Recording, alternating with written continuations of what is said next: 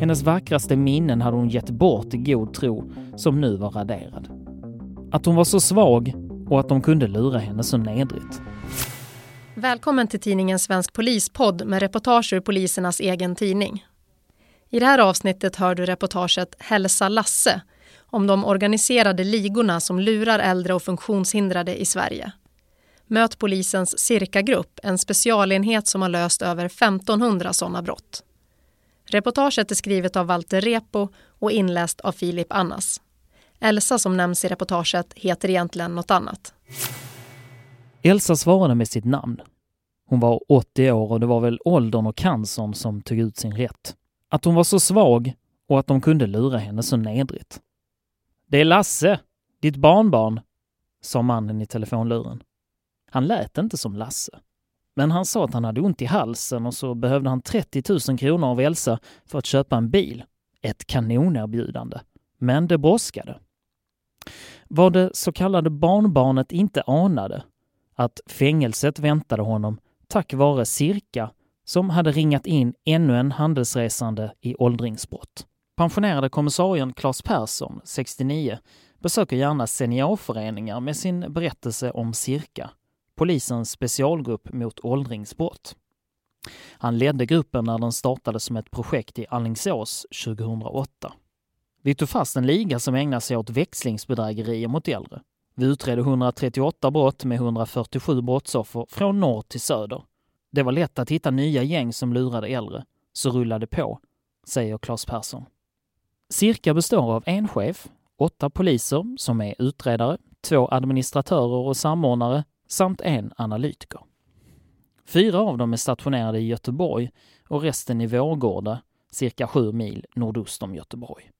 Att gruppen hamnade på polisstationen i Vårgårda beror på att de hade ett rum ledigt. I början var den största svårigheten att med 21 olika polismyndigheter leta brott över hela landet. På den tiden behövde man få tillgång till varje myndighets enskilda anmälningssystem. Vi sköter vårt, ni sköter ert. Så lät det. Nu när vi har ett enda system låter det märkligt. Då var det vardag, säger Claes Persson. Cirka samordnare söker bland de 1,6 miljoner anmälningar per år som finns i polisens datasystem RAR och DUR2 för att hitta seriebrottslighet som riktas mot främst äldre. Målet är att få fram tillräckligt med information så att brott och gärningspersoner kan länkas samman. Samtidigt påbörjar de arbetet med att få fram identiteter på gärningspersonerna där bilder och filmer från övervakningskameror är en stor del. Det är viktigt att snabbt säkra bevismaterial. Den personkännedom och nätverk som vi har byggt upp under åren ger ofta förslag på identiteter som leder oss fram till misstänkta. Framgångsfaktorn är att vi har ett nationellt perspektiv och på så sätt så hittar vi de som förflyttar sig över landet, säger kommissarie Håkan Karlsson, chef för Cirka-gruppen. De brottsgrupperingar som enbart begår brott, lokalt eller regionalt, hanteras dock bäst av regionerna, lokala brottssamordnings och utredningsgrupper. Hur kunde jag vara så dum? upprepade Elsa. Alltså. Så dum att hon åkte runt i Strängnäs, tog ut pengar och delade ut. Guldsmyckena därtill. De två halsbanden, Bismarcksbandet med berlocker, morgongåvan från hennes bröllop 1951. Hennes vackraste minnen hade hon gett bort i god tro, som nu var raderad. När samordnarna på polisstationen i Vårgårda såg anmälan så förstod de fallet Elsa hängde samman med liknande brott mot åldringar landet runt. Den så kallade barnbarnsligan växte till en av de större utredningarna för oss, säger Håkan Karlsson efter fredagsfikat i Vårgårda. Cirka njuter bryggkaffe och sillsmörgås med yttre personal som arbetar i Vårgårda, Herrljunga, ofta kollegor från Allingsås, utredare och stationsbefäl. Polisarbetet här är familjärt, säger Håkan Karlsson. Tidigare hade varje utredare sina ärenden och arbetade med dessa. Idag arbetar man mer i grupp, där den som har huvudansvaret för en utredning skriver en att göra-lista som tas upp på de dagliga morgonmötena.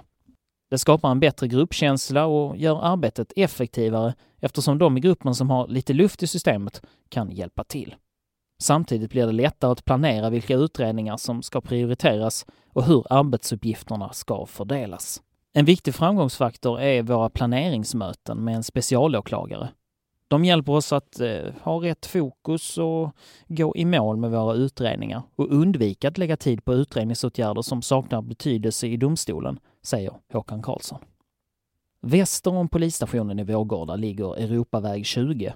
En favorit för ligor som siktar in sig på äldre. Cirka följer ett 30-tal misstänkta grupper. Vi identifierar konstellationer som begår en viss typ av brott där det finns gemensamma nämnare som tyder på att det är samma gärningsman. Ofta finns det bilder, men det kan även vara tillvägagångssättet, namn som används, telefonnummer eller fordon som binder ihop en grupp som arbetar tillsammans, fortsätter Håkan Karlsson. En grupp består av minst två, ofta runt fyra personer och det kan gå flera år innan de återvänder för att slå till igen. Ibland finns det kopplingar mellan grupperna. Det finns också ensamma gärningsmän, som till exempel en man iklädd reflexkläder som åkte runt i Syd och Mellansverige och lurade sig in hos äldre under förevändning att han skulle kontrollera elen. De äldre skulle betala 150 kronor för detta och enbart med kort. Offren slog in sin kod och när mannen lämnade tillbaka kortet hade han bytt ut kortet mot ett annat. Gärningsmannen, en polsk man som talade svenska, greps i Skåne efter att informationen lagts ut på polisens nationella informationssystem OBS-portalen. Cirkagruppen hade genom sitt kartläggningsarbete identifierat ett drygt 90-tal brott som han kunde misstänkas för. Två cirkautredare bistod Region Skåne under de två första utredningsveckorna och mannen dömdes senare till fyra och ett halvt års fängelse för 56 brott. Gärningsmännen är handelsresande i brott och oerhört brottsaktiva. De ligor som kommer till Sverige för att begå brott mot åldringar har enligt Cirka rötter främst i Rumänien och Bulgarien. Offrens ålder är omkring 85 år. Yngre drabbas oftast på gatan eller på annan plats medan nästan alla äldre utsätts i sina hem. Elsa i Strängnäs var ett typexempel. På banken hade hon inga tillgångar och bankomaterna trilskades. Men Elsa fick ihop 15 000 kronor och guldet förstås. Den man hon trodde var Lasse, hennes barnbarn alltså, skickade en mellanhand för att hämta pengar och smycken. Hälsa Lasse, sa hon till budet. Fem månader senare, i april 2016, körde han som utgav sig för att vara barnbarnet en avställd Saab 9-3 till sin lägenhet på Norra Hisingen i Göteborg. Mannen rafsade ihop datautskrifter från passagerarsidan, rev en hel del och dumpade lapparna vid kvarterets returstation. Det han inte visste var att där fanns en kriminalinspektör från spaningsgrupp 1 i polisregion Väst på cirka-uppdrag. Han lyckades med ena handen fiska upp några iturrivna papper genom containerinkastet. Andra samlade han in med en gren. Jag kunde snabbt konstatera, rapporterade spanaren, att de var intressanta eftersom jag utläste information om personnummer och adressuppgifter på äldre personer på ett av de söndriga arken. Det är ofta så gärningsmännen jobbar. I beslagtagna datorer kan poliserna se hur ligorna har surfat på nätet och kartlagt personer över 90 år som bor i ett visst område. De kan även söka på äldreboenden.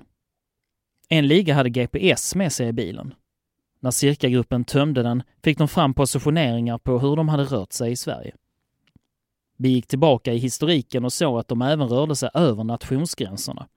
Huvudpersonen var en kvinna med 34 olika alias, dömd i en mängd länder, bland annat på Nya Zeeland. De hade kört Costa Brava-kusten, storstäderna längs kusten i Italien och på Frankrikes landsbygd, säger Håkan Karlsson. Cirkagruppen har till skillnad från de andra brottssamordningsgrupperna runt om i Sverige utredare som tillsammans med administratörerna och samordnarna ser till att förstahandsåtgärder görs och bevisning säkras. Just dessa åtgärder är vitala för att kunna nå framgång i utredningen när väl gärningspersoner identifierats. Det ökar också möjligheten att avbryta brottsserier, säger Håkan Karlsson.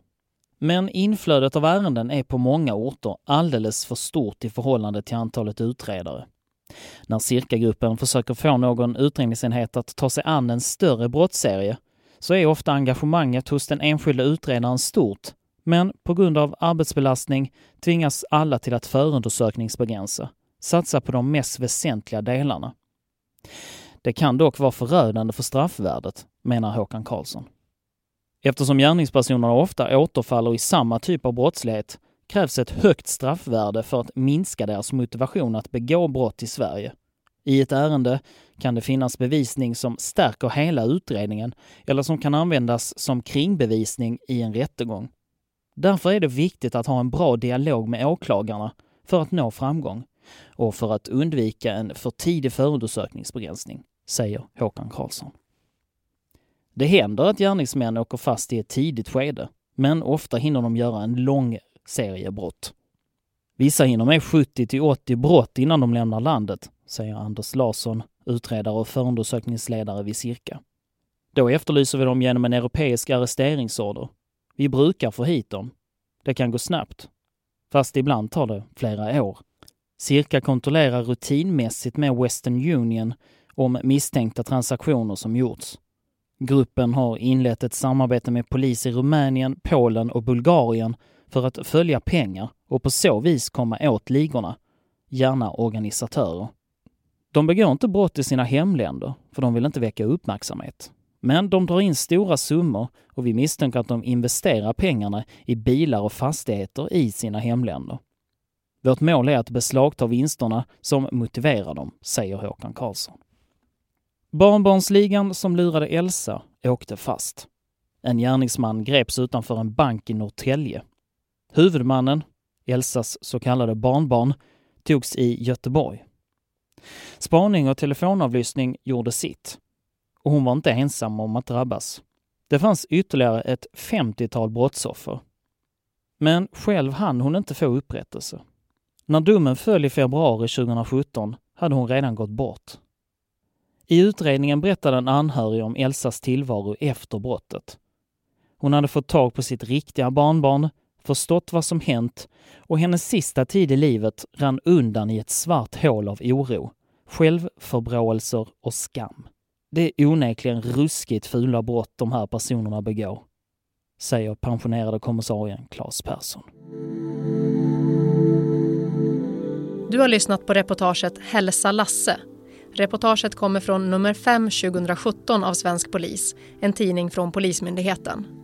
Fler reportage hittar du på svenskpolis.se och där poddar finns.